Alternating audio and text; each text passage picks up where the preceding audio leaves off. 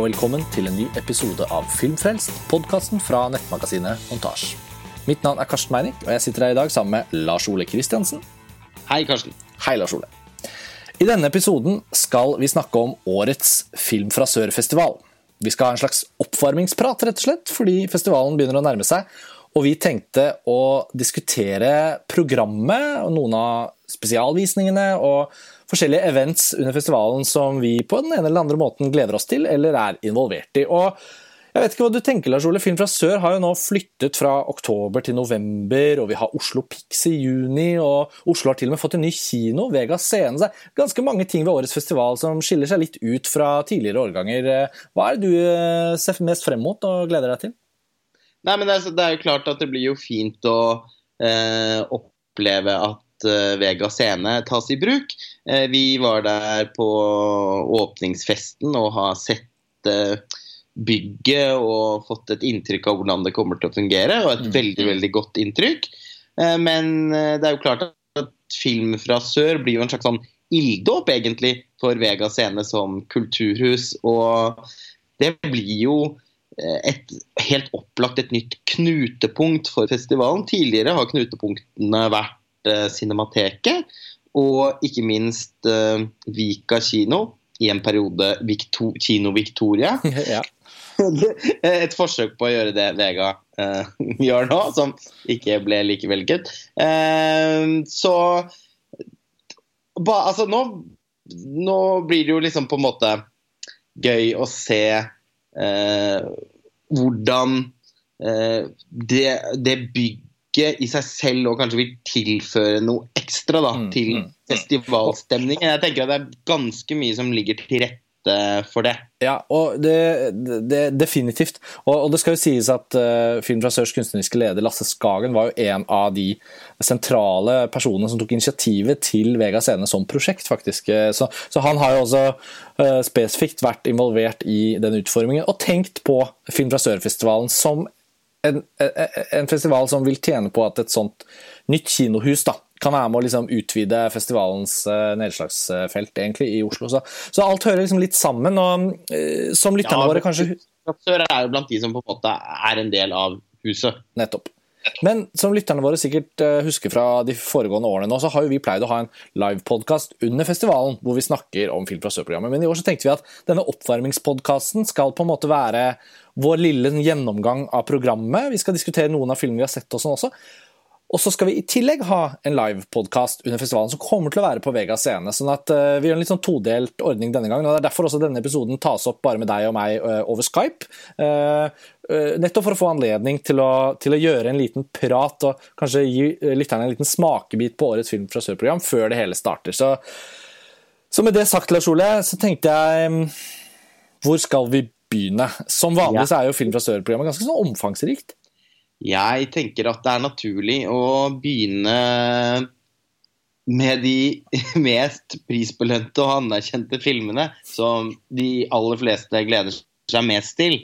Eh, de som er eh, kanskje da hovedsakelig plukket fra filmfestivalen i Cannes og til dels Berlin og Venezia. Ja, Jeg er ikke uenig i, i, det. fordi jeg føler jo også at Film fra sør-programmet som oftest er en sånn um, Det er liksom noe man kan på en måte dele det litt inn. altså De mest interesserte, kanskje mer sånn cineastene som, som, ja, som f.eks. følger montasje veldig tett og leser og lytter og hører på hva vi gjør på festivaler, de kan jo ofte benytte Film fra sør til å få sett noen av disse store festivalhits.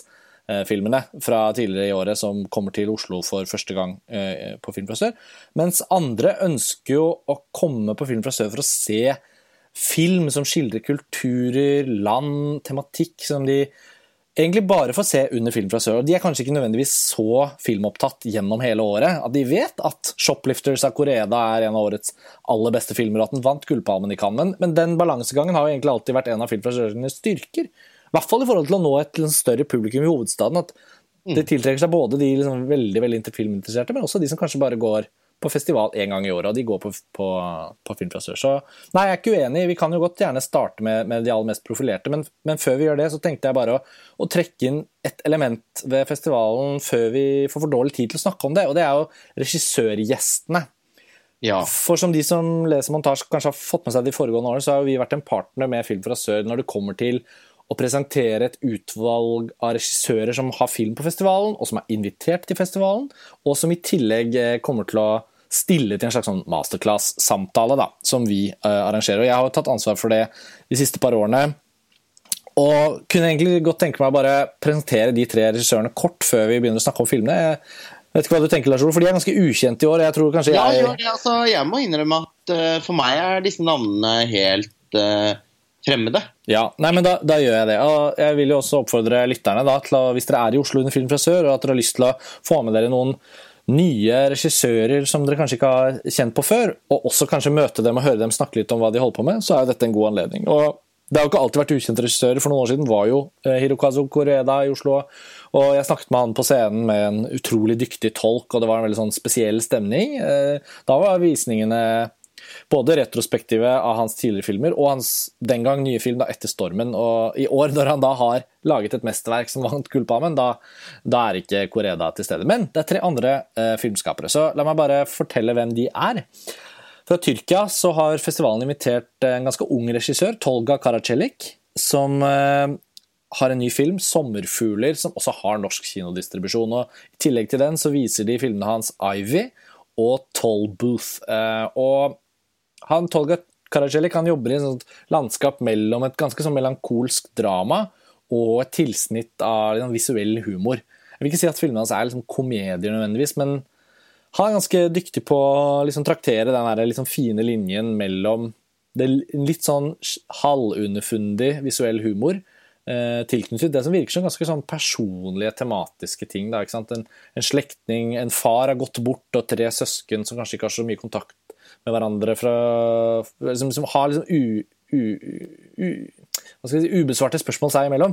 Eh, Det er det sommerfugler handler om. De skal hjem for å, for å ta hånd om liket og sørge for en begravelse. Og Tollbooth, den er hans første film. eh, handler om en sånn eh, eh, bompengeringvakt som blir flyttet til en sånn landsbystasjon, og som har en eh, veldig, veldig sånn strevsom eh, uutforsket syke som blir stadig mer til syne. Klassisk tilfelle i sjangeren. Hovedpersonen blir mer og mer gal etter hvert som filmen skrider fremover. Eh, mens Ivy, den, eh, den foregår på et skip eh, og er på en måte en litt annen type film enn de andre. Jeg, jeg tenker at han, Tolga Karacelli kan bli et interessant bekjentskap for, for mange, og det er liksom forfriskende at de inviterte en såpass ung regissør til å ha et retrospektiv. Eh, Det samme gjelder den kasakhstanske filmskaperen Emir Baygazin, som er enda yngre enn eh, Karacelik. Og han hadde jo film i Venezia i år, The River, som er også er støttet av Sørfond. Eh, mens han fikk jo sitt gjennombrudd må vi si, med Harmony Lessons, som var i hovedkonkurransen i Berlin for ja, er det fire-fem år siden. Um, jeg opplever at det var en film som veldig mange satte pris på. Og videre så er det da den iranske regissøren Mani Hagigi, eh, som eh, er eldre og, og på en måte mer merittert enn de to andre, men også ganske ukjent i forhold til den iranske filmbransjen for øvrig. Han eh, har laget en ny film som heter eh, Pig, som var i hovedkonkurransen i Berlin i år, og er også til stede med to av sine tidligere filmer, Modest Reception og A Dragon Arrives. Og alle disse tre stiller jo da til regisamtale, men når de i tillegg har nye filmer, og det vises et par av de tidligere filmene deres, så får man jo en anledning, hvis man liker det man ser, til å kanskje prøve å få sett alle de tre filmene. Uh, Baygazin er vel eh, representert med fire, tror jeg.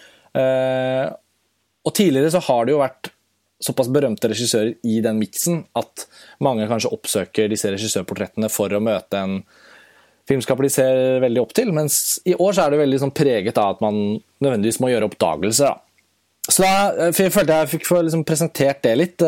Jeg måtte gjøre noen oppdagelser selv underveis. Jeg har forberedt meg, så jeg har sett filmene og, og gjort noen eh, intervjuer med regissøren i forkant over mail og sånn. Jeg gleder meg veldig til å treffe dem når de kommer til Oslo. Så det er, føles jo som en sånn fin eh, spesialhendelse da, under Film fra sør som er verdt å trekke fram. Så da fikk jeg sagt det. Ja, jeg har da et uh, oppfølgingsspørsmål om han Hagigi. fordi han er jo da iransk. Og iransk film er jo noe de fleste sinefile har et uh, forhold til. Så i, i hvilken grad eh, Altså på hvilken måte hans iranske identitet som filmskaper synlig? Altså er han sammenlignbar med Mohsen Makhmalbaf eller Eh, Abbas Kiarostami eller Shafar Panahi. Eh, ja. ja.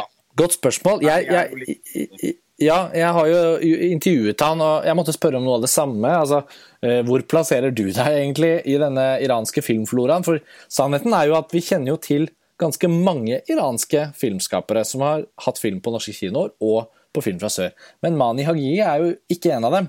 Så for meg var det jo faktisk en rimelig ny regissør da Film fra sør kunne varsle i sommer at han var invitert.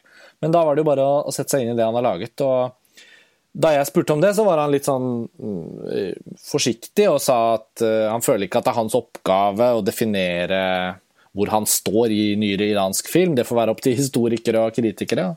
tenker jeg Det er jo helt fair, det, men han var også ganske åpen om at han, at han har et veldig nært forhold til Abbas Kiarostami, som var hans mentor, og han syns også det er blitt laget mye bra iransk film, men han syns også det er mye som er dårlig. da. Så han sa rett ut det at han, han eh, finner Ja, han finner ingenting liksom av, av verdi i, i eh, Ja, hva var det han sa? Altså, Malbaf og Rasuluf, Mohammed Rasuluf, det er litt meningsløse filmskapere for meg. og Jafar Panahi har elsker jeg noen filmer, andre jeg misliker veldig. så um, ja. han, han, var veldig klar på det. og det, Bare for å si det sånn, da. Hagigi her. Um, Baygazin og Karacelik de er mer sånn unge, nye filmskapere fra hvert sitt land. Eh, men verken kasakhstansk film eller tyrkisk film har et så klart særpreg som man kan si at iransk film har.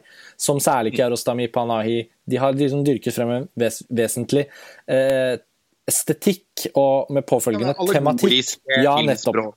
Som vi nå forbinder med iransk film. Men da jeg begynte å se filmene til Mani Hagigi, så oppdaget jeg jo at han er en helt annen type filmskaper. Han er en han er egentlig en eh, humorist. Jeg vil si han er en slags ironiker. Viss, eh, et visst element av satire og, og eh, han, Det leder han til mer sånn abstrakte filmideer, men et mye mer konvensjonelt filmspråk. Sånn at hans filmer har ikke et bildespråk som strekker seg mot den typen sånn nesten sånn eh, overskridende poetisk kvalitet som Kiarostami, men det er veldig få filmskapere som tåler sammenligningen med Kiarostami. Da.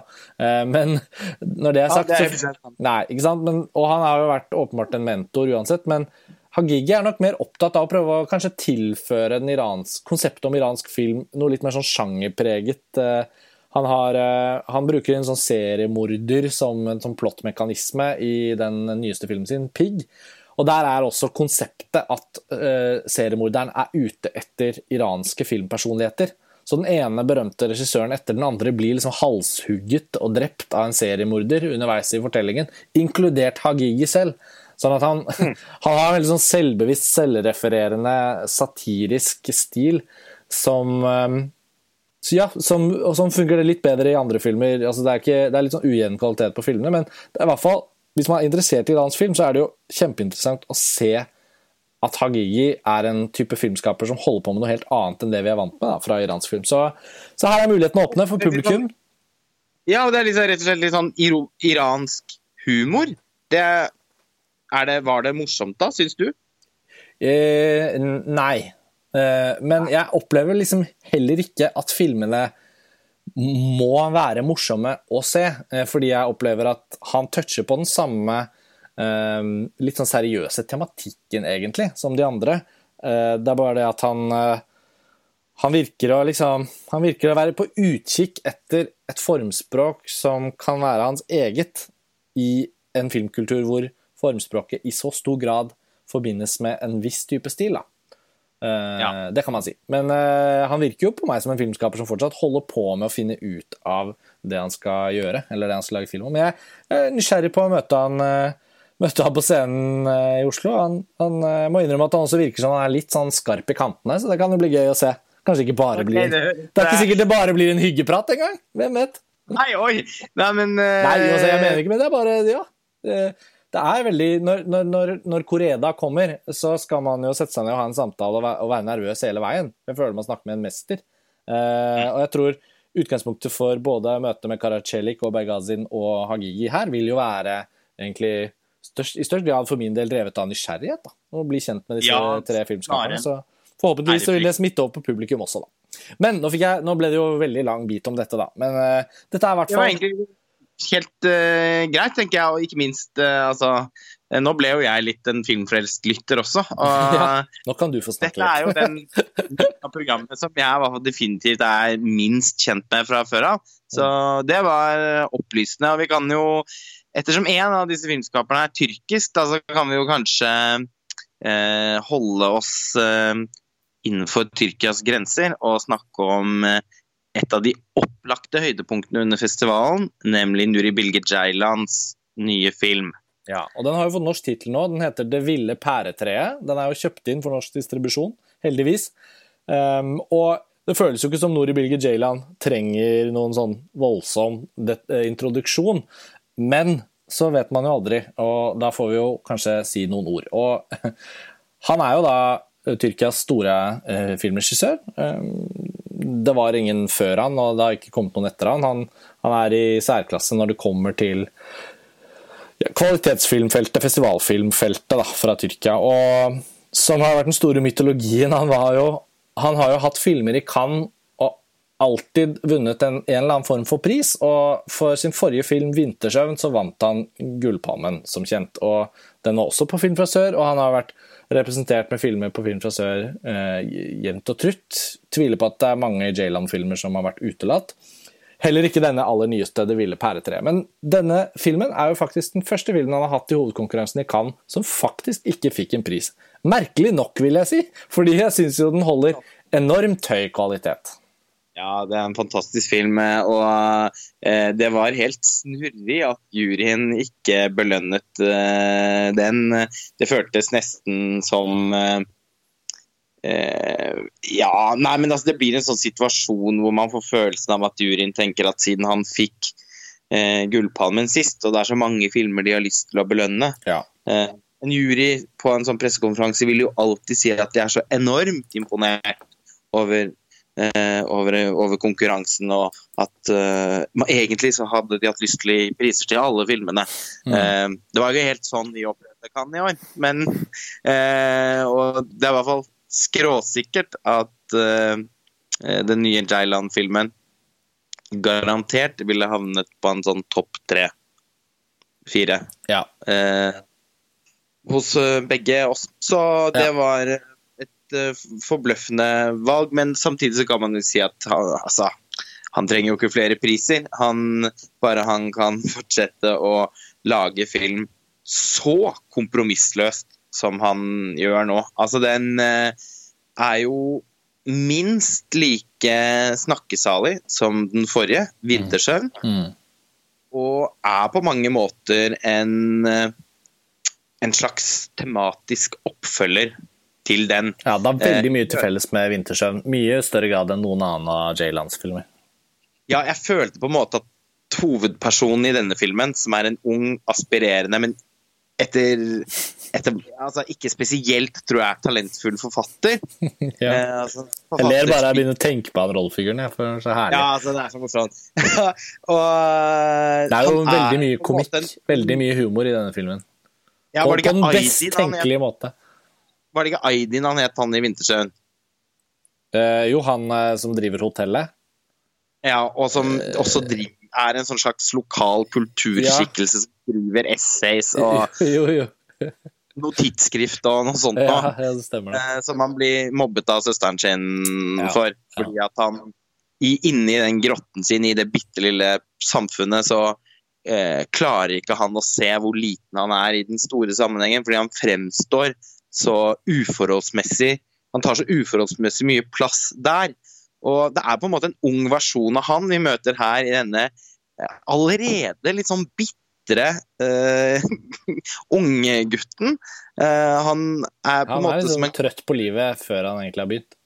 Ja, sånn gammel Ikke en gammel sjel, for han virker ikke klok nok for det, men en, en gammel mann i en ung eh, kropp som Resignert på mange måter. ja, det som er så morsomt at han biter seg fast ved at, eh, at uh, det, han tenker at det er med meg. Mm. Jeg, jeg, skal, jeg, skal, gi ut bok, jeg.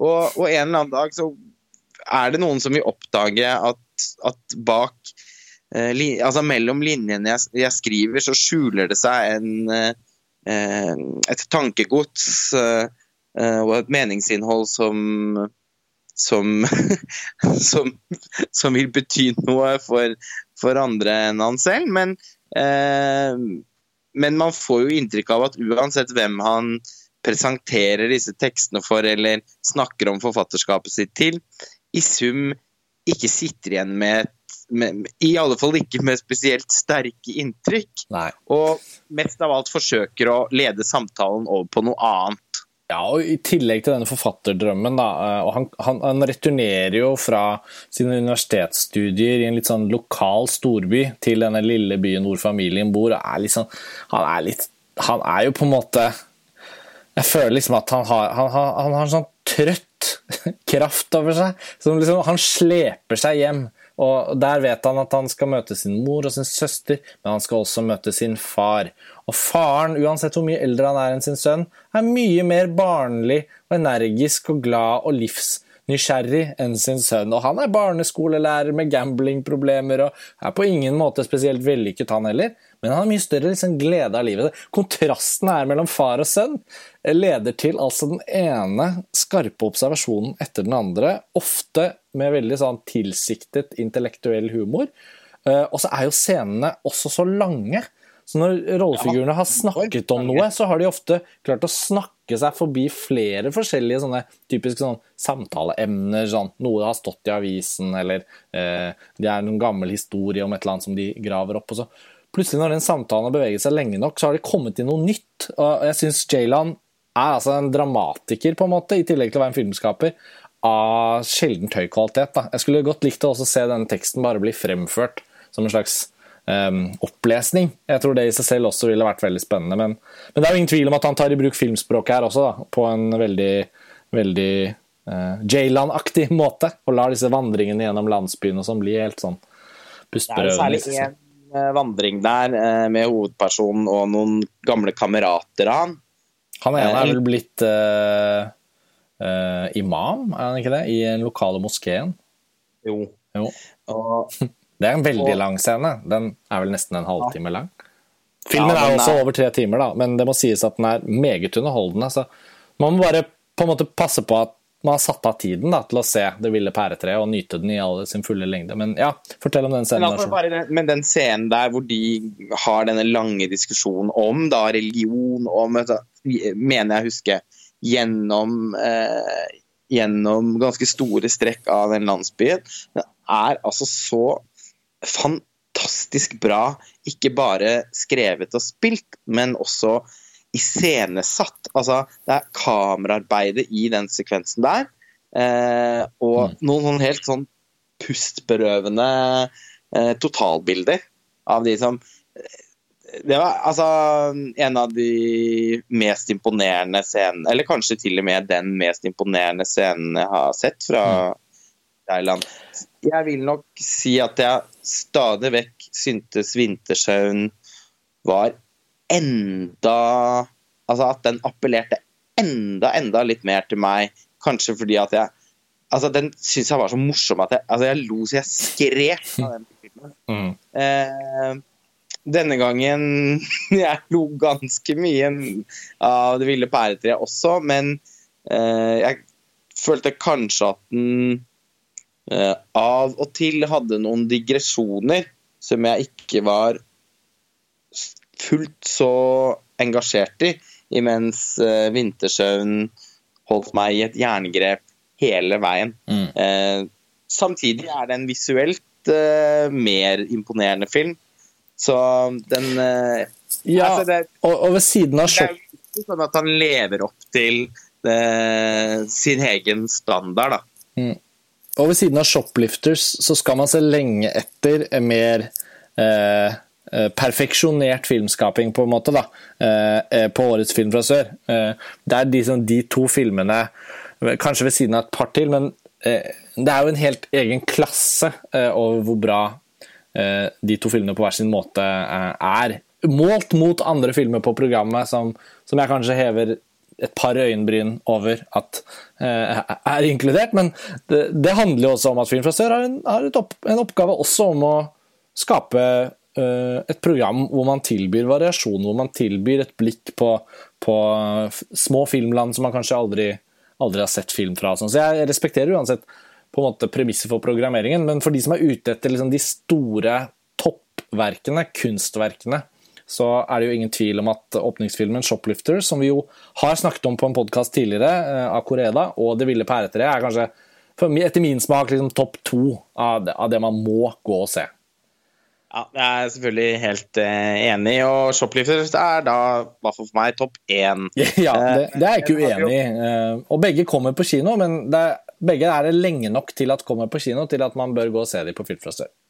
Ja, og som du sa, så har vi jo snakket uh, lenge uh, og grundig om Shoplifters i en podkast fra filmfestivalen i Cannes, så vi trenger ikke å stikke sugerøret dypere ned i den. Nei, men skulle det være noen tvil, så er den må man gå og se. Den er åpningsfilm, og så vises den i tillegg tre ganger til. Så det er fire visninger av Shoplifters under Film fra sør, og tre visninger av Det ville pæretreet. Så det er bare å liksom, først gå inn og notere seg det, og så passe på at hvis man vil se disse filmene, så bør man prioritere hardt. Ja, altså Den befester på en måte virkelig Koredas posisjon som den store mesteren i nyere ikke-animert japansk film. Hm. Eh, den gullpalmen var fortjent, for å si det sånn. Det var ikke noen, eh, det var ikke noen trøstepalme eller noen uh, takk for alt-palme. Uh, det var en filmpalme. Før vi da eventuelt går til en annen konkret film, Lars Ole, så vil jeg jo bare kime inn her en liten skuffelse for jeg syns eh, Film fra sør i sin hovedkonkurranse, som eh, på alle måter presenteres som den gjeveste seksjonen, da, der hvor, hvor hovedprisen og juryen og altså sånn, Det er liksom hovedkonkurransen til Film fra sør. Der er det dessverre bare én kvinnelig regissør eh, i årets program. og dette har vi jo notert oss tidligere også, at eh, på tross av all sin geografiske variasjon, så ser det ikke ut til at Film fra sør i like stor grad lykkes med å inkludere tilstrekkelig varierte fortellerperspektiver. Og I en tid hvor det føles viktigere enn noensinne å trekke fram og belyse fortellinger fortalt av, også av kvinner eh, innenfor spillefilmen, så er det, så er det litt sånn skuffende leit å se. Den, den, filmen det da er kvinnelig regissør på, det er en uh, film som for, for begge oss tror jeg foreløpig er ganske ukjent, så da er jo det noe å oppsøke. Det er en film som heter Florianopolis Dream av den argentinske regissøren Ana Katz.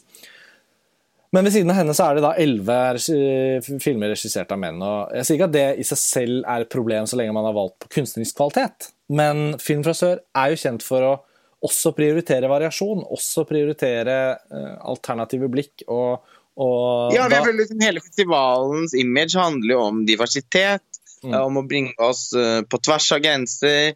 Uh, om, og, og, dessuten er den sjeldent særlig kresen kuratert, det må det være lov å si. Mm. Eh, det er Jeg føler jo aldri at uh, det bare er sånn at, uh, at absolutt alle filmene i programmet er der fordi de i konkurranse med mange andre filmer bare måtte, som bare måtte velges vekk til fordel for dem. Mm. fordi jeg, jeg, jeg, føler jo at man setter sammen et program for å vise en bredde og et spenn. Mm. Eh, og da blir det ekstra underlig å ha en hovedkonkurranse med så ujevn kjønnsfordeling. Det, ja, jeg, ja, ja, det da må, ja, og da må jeg også bare skyte inn at det særlig føles underlig i et år hvor det ikke har manglet på filmer regissert av kvinner. En ting er at Film fra sør i et sideprogram de har kalt Nye stemmer, faktisk har inkludert eh, et, stort knippe filmer regissert av kvinner. Og Da syns jeg det er så merkelig at i den gjeveste seksjonen, eh, hvorfor skal man ikke ønske å trekke fram og løfte fram noen av disse andre filmene? Eh, og det føles så utrolig klisjéfullt at da de kvinnelige filmskaperne er plassert i en sånn sideseksjon hvor liksom hermetegnet nye stemmer på en måte nærmest, syns jeg, da, plasserer det litt, sånn, litt nedenfor det som kalles hovedkonkurranse. Nå kan jo noen protestere på det, men jeg mener likevel at hvis man ønsker å vise at man er opptatt av alternative og utbalanserende fortellerperspektiver, så bør man ha et litt skarpere blikk for, for denne typen uh, skjevhet. Og her tror jeg de lett kunne unngått det, da, ved å kanskje uh, omplassere noen av filmene og, og synliggjøre, synliggjøre disse kvinnelige regissørene de har i et sideprogram, i hovedkonkurransen. Og jeg savner også en film fra Cannes som heter 'Girls of the Sun'.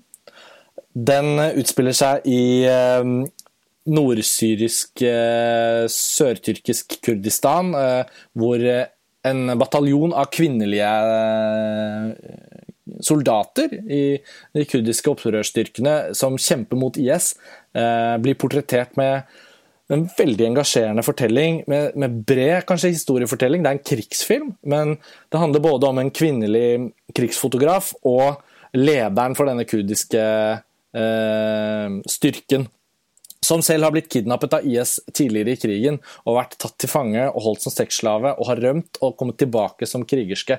Hun spilles av Golshifte Farahani, og filmen er regissert av den franske filmskaperen Eva Husson.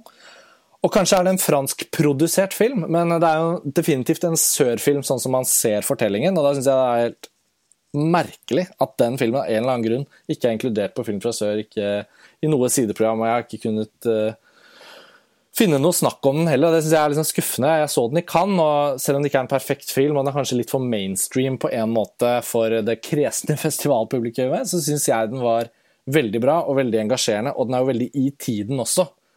Vi er jo ja. inne i en høst hvor til og med eh, Nobel, eh, Nobels fredspris går til en kvinne som har vært fange hos IS og som har overlevd og snakket om det. Så tematikken kunne jo blitt løftet frem av en sånn type programmering, i tillegg til at man ville kunne inkludere en ny fersk kvinnelig regissør, Eva Usson, som eh, Det var vel hennes faktisk eh, andre spillefilm, tror jeg. Så jeg ja, fikk... måtte bare riste av meg det litt. Jeg syns det var leit ja, å se. Også for, for, hennes debutfilm, denne kjempeerotiske Nå husker jeg ikke hva den heter, jeg har ikke sett den. Den husker jeg fikk eh, mange gode anmeldelser for noen få år siden. Hva tror du var årsaken til at Girls of the Sun fikk såpass lunken mottakelse i Cannes? Jeg, jeg fikk jo dessverre ikke sett den. Eh, men det var ikke fordi jeg nedprioriterte den, det ble bare en litt sånn uheldig situasjon på et eller annet tidspunkt. Mm. Fordi at eh, jeg stolte veldig på din anbefaling, for det, det er jo helt naturlig at jeg gjør det. jo da. Og, Nei, men hennes forrige film, 'Bang Gang', var det den het. 'Une histoire d'amour moderne'. Den har heller ikke jeg dessverre fått sett, men den steg jo definitivt i overflaten etter å ha sett denne 'Girls of the Sun'. Og jeg, du spør hva som var årsaken. Den fikk sånn medium buzz uh, under Cannes, men det kan jo skje filmer som i ettertid også uh, ikke sant, Si at du og jeg har gått glipp av noe i Cannes, og så er det dårlig buzz.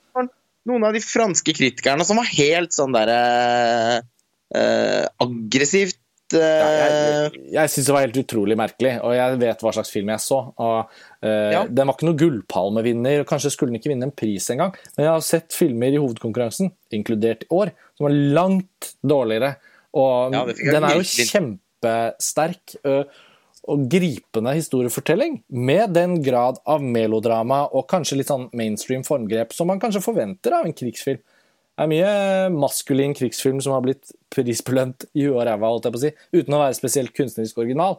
Jeg vet ikke hva slags krav folk stilte til akkurat den filmen, men Cannes-festivalen hadde jo slet jo med det samme, at de ikke klarte å inkludere tilstrekkelig variasjon av kjønnsbalansen da, mellom eh, regissørene i hovedkonkurransen og Eva Husson fikk kanskje for, for, stort press på sine skuldre i og med at hun var inkludert. Jeg vet ikke. Men jeg syns det er en veldig skuff, stor skuffelse at ikke Film fra sør har sett uh, verdien av å ta inn den filmen. Så jeg måtte bare få, få sagt disse tingene, fordi jeg vet ikke om uh, det kommer så mange ja, andre anledninger. Man har lyst til å trekke fram det som er bra.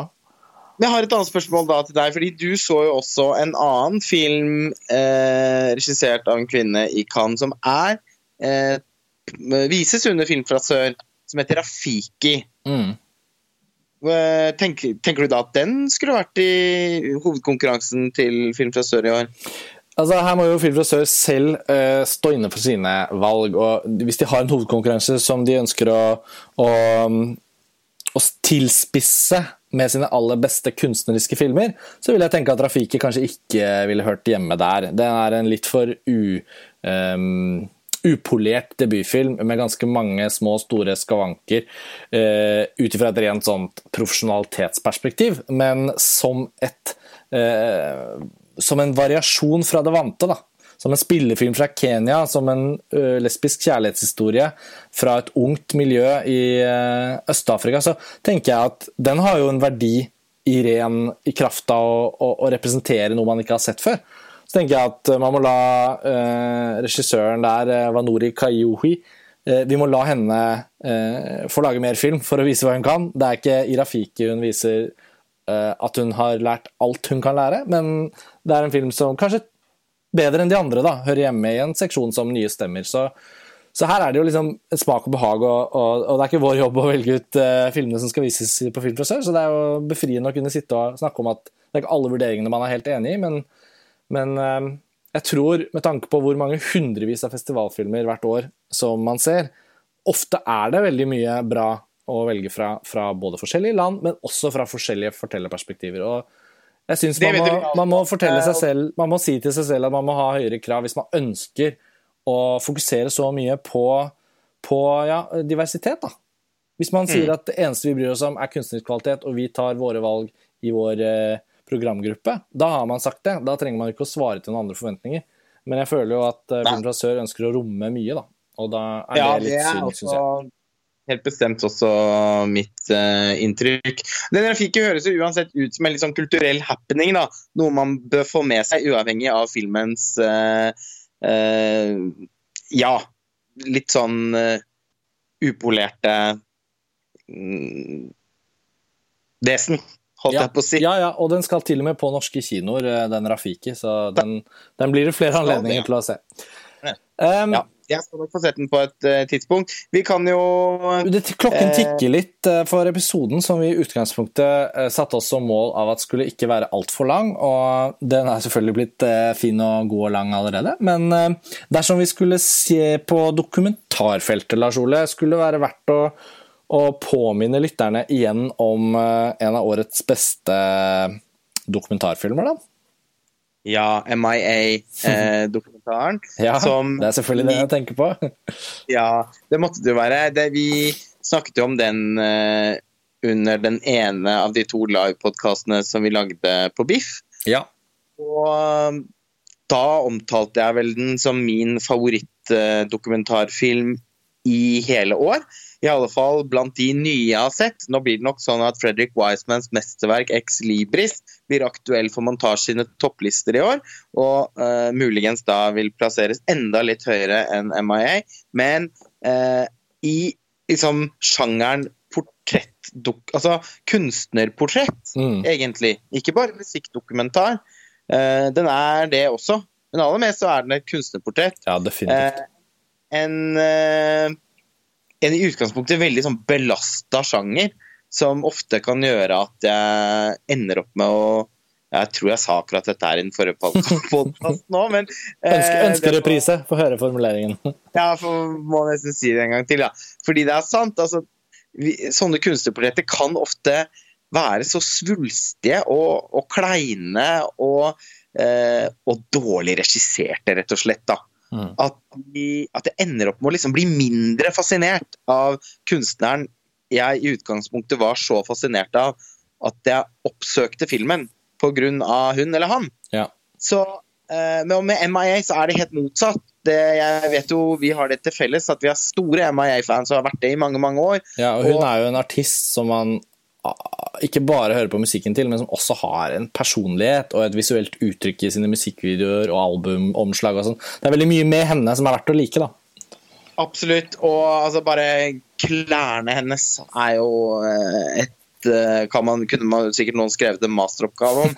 Så, eh, og vi har vært på MIA-konsert sammen, og i det hele tatt så gikk vi Altså, vi møtte den filmen med, med som fans. Rett og slett. Så uansett hva som skulle vises, så hadde nok vi på en eller annen måte vært litt fornøyd uansett, for vi fikk i hvert fall tilbrakt et par timer sammen med Emma. Det er sant. Det, det, det er helt fair å erkjenne. Likevel. Ja. ja.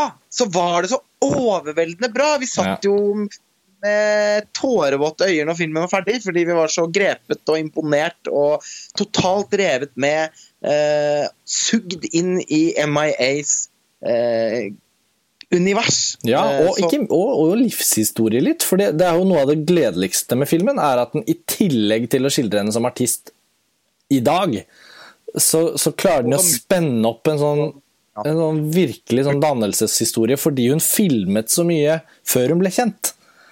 Og det materialet er så rikt. Ja. Altså, filmens regissør, altså han som er kreditert som filmens regissør, er jo hennes eh, fortsatt nærmeste venn, har jeg inntrykk av. Mm. Eh, som hun eh, tilbrakte store deler av studietiden sammen med. Mm. Eh, men veldig mange av opptakene i filmen er jo selviscenesatt Mm. eh, og fotografert av, av MIA selv. Så eh, jeg opplever jo veldig at, den er at filmen er koregissert av henne. Mm. Hun sa vel i forbindelse med filmens verdenspremiere, som Det var vel i søndags, var det ikke det? Jeg var på søndags.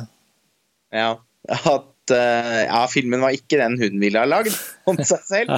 Men det tenker jeg det, må, det kan ikke være helt sant, fordi Nei, hun har jo støttet filmen også på alle mulige festivaler. Hun har jo stilt opp og gjort masse promo, og det er jo ingen tvil om at Ja. hun, eh, hun går god for filmen. Men hun sa det vel også litt i, i ånd av at de har sikkert ikke vært enige om alle klipp, altså prioriteringer, og filmen er jo stram, og det kan ha vært masse hun ønsket å ha med. Det er jo veldig mange måter å lese den uttalelsen på. Så det har i hvert fall ikke noe med filmens kvalitet å gjøre, for den, den er ganske sikker, og den anbefalingen føler jeg meg ekstremt trygg på.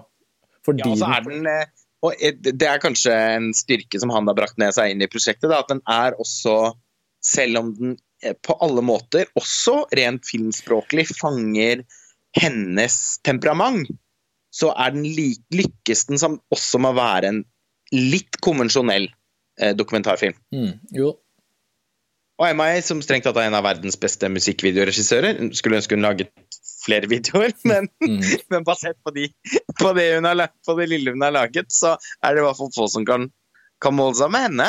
Så Ja. Så, så tipper jeg at hun sikkert også har noen sånn Hun kan også sikkert ha hatt noen elleville visjoner for filmen, som, eh, som hun kanskje eh, ikke fikk gehør for.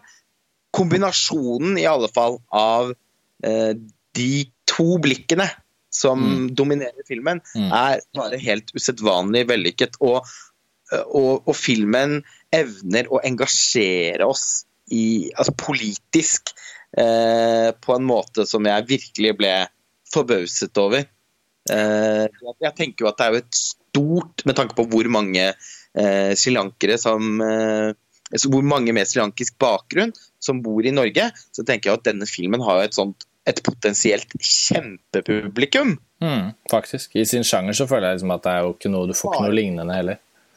Nei, og ikke bare på filmfestivaler, men også Men alle, en ting er alle som er interessert i film. Eh, og så er det alle som er interessert i musikk. Og så er det alle som har kunnskap om eh, srilankisk historie. Mm. Det er jo heller ikke hverdagskost. Altså, når var sist man så en film eh, som hadde noe med Sri Lanka å gjøre på Kina? Det var vel kanskje Deepan, da. Ja, men den handlet så mye om Frankrike òg at den følte jeg liksom ikke i større grad. Eh, Denne filmen om MIA sier jo veldig mye mer om den faktiske borgerkrigen som raste på Sri Lanka i over 30 år, eh, enn det Deepan gjorde. Men, eh, men hvis vi skulle oppsummert den MIA-praten litt Jeg må bare si dette her. Visste du forresten at Jack Odiar eh, i utgangspunktet tenkte at MIA skulle spille hovedrollen, den kvinnelige hovedrollen i Deepan? ja, Det er ganske utrolig å tenke seg. Ja, det ble avslørt eh, i den siste episoden av Criterion Closet. Denne lille Ja, videodagboken som de har på YouTube, hvor eh, mm, filmskapere får gå og plukke seg filmer eh, i, i, Yes. i, i skapet. Criter The Criterion Collection. Mm. Og så ble hun Og hun virket ganske gira på å gjøre den rollen. Og så ble hun valgt bort fordi hun så for bra ut, fikk hun vite. Sier hun selv. Ja, Ja, det er morsomt. Veldig morsomt. Nei, men MIA-filmen det må også skytes inn avslutningsvis at den har regulær norsk kinopremiere 16.11. Så i forbindelse med visningene på Film fra sør, så vil det på mange måter fungere også som en oppvarming til selve kinoreleasen. Da. Så den, altså, vi kan jo ikke få anbefalt den filmen her varmt nok, eh, og det føltes fint å få trukket den fram igjen. Og jeg vil ikke snakke om disse filmene dypt, fordi jeg har ikke sett uh, den ene av de, men jeg vil bare skyte inn at i uh, dokumentarprogrammet på Film fra Sør, Dukk Sør, så vises det to kunstnerportrett. Uh, Kusama Infinity, som jeg ikke har sett, men jeg har vært på utstillingen. Yayoi Kusama, en 90 år gammel, snart 90 år gammel japansk kunstner som hadde en sånn prikk, prikkutstilling på Henny Jonstad for et par år siden. Den dokumentaren virker jeg, i hvert fall jeg er nysgjerrig på å se. Og så viser jo da Film fra Sør også Ryuchi Sakamoto Koda-dokumentaren, som um, hadde premiere på, um, på, filmfestivalen i Venezia i uh, fjor. Ja, og som var en av våre favoritter. Ja, og den har vi snakket om. Den har vi snakket om tidligere, men her er det jo da tydeligvis enda en virkelig god anledning til å se den, for de som ikke har fått med seg den ennå. Det var jo bare en helt nydelig film, som har mange av de samme kvalitetene til MIA-filmer, bare at energiene i filmene føler jeg er veldig forskjellige. da. Ja, den er helt fantastisk. Eh, og er dette den første anledningen til å se den i Oslo, rett og slett? har, jeg tror den har vært vist på Cinema Nøff faktisk tidligere i høst, eh, på filmklubben som holder til på Universitetet i Oslo. Um, men uh, det er jo en, åpenbart en film som ikke mange nok har sett, med tanke på hvor bra den er. Så jeg tenker jo at det bare er verdt å anbefale ja. til høyre og venstre. Ja, men, men ja, vi trenger ikke gå sånn dypt inn på det, men jeg vil bare trekke det Nei. fram, da. Hvis vi skal Ja, jeg har, lyst, til å si én ting i den forbindelse. Ja. Det er bare at uh, man Altså, husk at man ikke trenger å ha et, en, en, et nært forhold til Sakamoto for å ha maksimalt utbytte av den filmen. Det er mm. faktisk ikke en forutsetning. Nei. Det fordi det er veldig vanskelig å, å, å få noen uh, til å kjøpe billett uh, til et kunstnerportrett av en de ikke har noe kjennskap til. Mm. Det er på en måte Eller kanskje bare har hørt om, eller det er, det, er, det er, filmen i seg selv her som er, eh, som er verdt å sjekke ut. Ja. ja, de av oss som har et forhold til Sakamoto, så er det selvfølgelig også eh, så gir det selvfølgelig filmen en ekstra dimensjon, men eh, det er bare et helt utrolig vakkert portrett av en stor kunstner som er på et vanskelig sted i livet fordi han er rammet av sykdom. Og mm er nødt til å på en måte uh, Altså, de eksistensielle spørsmålene han stiller i den filmen, og delvis forsøker å besvare selv, enten med ord eller med musikk, det kan angå de aller fleste. Så ja, det er en varm, varm anbefaling. Varm og bred mm. anbefaling. Mm. Um, vi nærmer oss jo egentlig nå slutten bare fordi tiden vår løper ut. Eh, men vi får bare oppfordre lytterne til å dykke ned i Film fra sør-programmet. Det er eh, mange sideseksjoner og forskjellige typer sjangerspesifikke programmer som dere burde ta en kikk på. Og, og, og se masse film under Film fra sør. Det starter torsdag 8.11, varer i ti dager. Som vi sa helt i starten, så er jo dette den første anledningen til liksom sjekke ut den nye kinoen, Vega Scene, og få sett film og prøve de forskjellige salene. Og, og håpe at man ikke støter på noen sånne nyfødt-problemer der nede. Det virket veldig proft og veldrevet da vi var der på åpningsfesten. Um, og så får vi bare avslutte med å komme med en liten promo for livepodkasten vår. Da, Lars Ole, skal vi ikke gjøre det? Jo, la oss gjøre det. Fredag den 16. Ja, fredag 16. Eh. november så skal vi eh, tradisjonen tro, da, får vi si, eh, ta opp en live-episode av Filmfrelst på Film fra sør. Eh, og i år så har vi da, som dere har hørt i denne episoden, tatt liksom den litt sånn overfladiske og tidvis grundige festivalprogrampraten nå. Oppvarmingen. Og så under livepodkasten har vi rett og slett valgt oss et litt sånn fokus i år. Lars Ole, hva skal vi snakke om på livepodkasten fredag 16.11.? Vi skal snakke om eh, asiatisk film på 80-tallet. Ja, og hvorfor skal vi snakke om eh, asiatisk, og for så vidt litt sørfilm, eh, blir det vel liksom, sånn generelt, fra 80-tallet? Hva er liksom grunnen til at det er akkurat 80-tallet vi fokuserer på? Det er eh, fordi at vi skal At podkasten er knyttet opp til en visning av eh, Akira, den berømte japanske animasjonsfilmen. Men det er også en årsak til, og det er trommevirvel. Trommevirvel. Montasj er i ferd med å ferdigstille en kåring av 80-tallets 100 beste filmer. Og de første publiseringene tilknyttet den kåringen, de er faktisk like rundt hjørnet. Ja, og dette er jo noe vi Det høres ut som vi liksom offentliggjør hvem som skal bli den neste presidenten i Amerika her, eh, men vi, vi, vi, vi gjemmer jo denne lille offentliggjøringen litt sånn bakerst i denne episoden. Eh, ikke fordi det er så hemmelig, eller noe sånt, fordi eh, det er vel nesten I februar er det to år siden vi skrev på en serviett at vi skulle kåre 80-tallets 100 beste filmer og la det ut på de sosiale mediekanalene til montasje. Da, jeg tror jeg aldri har sett en Instagram-post få så mange likes så fort noensinne. Så vi vet jo at mange lyttere og lesere eh, hadde stor glede av vår kåring av 90-tallets 100 beste film for noen år siden. Og det lå jo litt i kortene at vi skulle begynne å jobbe med 80-tallets 100 beste filmer, og det har vi jo da jobbet med kjempelenge behind the scenes, og det begynner å nærme seg. Så mm. i, i, forbindelse med Film fra sør så foreslo vi til festivalen at vi gjerne ville eh, ha livepodkast om eh, eh, sørfilm og asiatisk film, på, særlig asiatisk film, da, på, på 80-tallet. Og da kanskje liksom kunne bruke en film som jo er en 80-tallsklassiker, da. Og Akira er jo eh, for de fleste ikke noe hemmelighet at det er en, et storverk fra 1980-tallet. Så den livepodkasten håper vi at mange lyttere som har tilhørighet til Oslo, har lyst til å komme på. Da. Det skal være på Vega scene. Og eh, etter at podkastinnspillingen er ferdig, så skal vi inn på kinoen og se Akira. Da. Så da har vi fått lagt inn den promoen og den lille nyheten.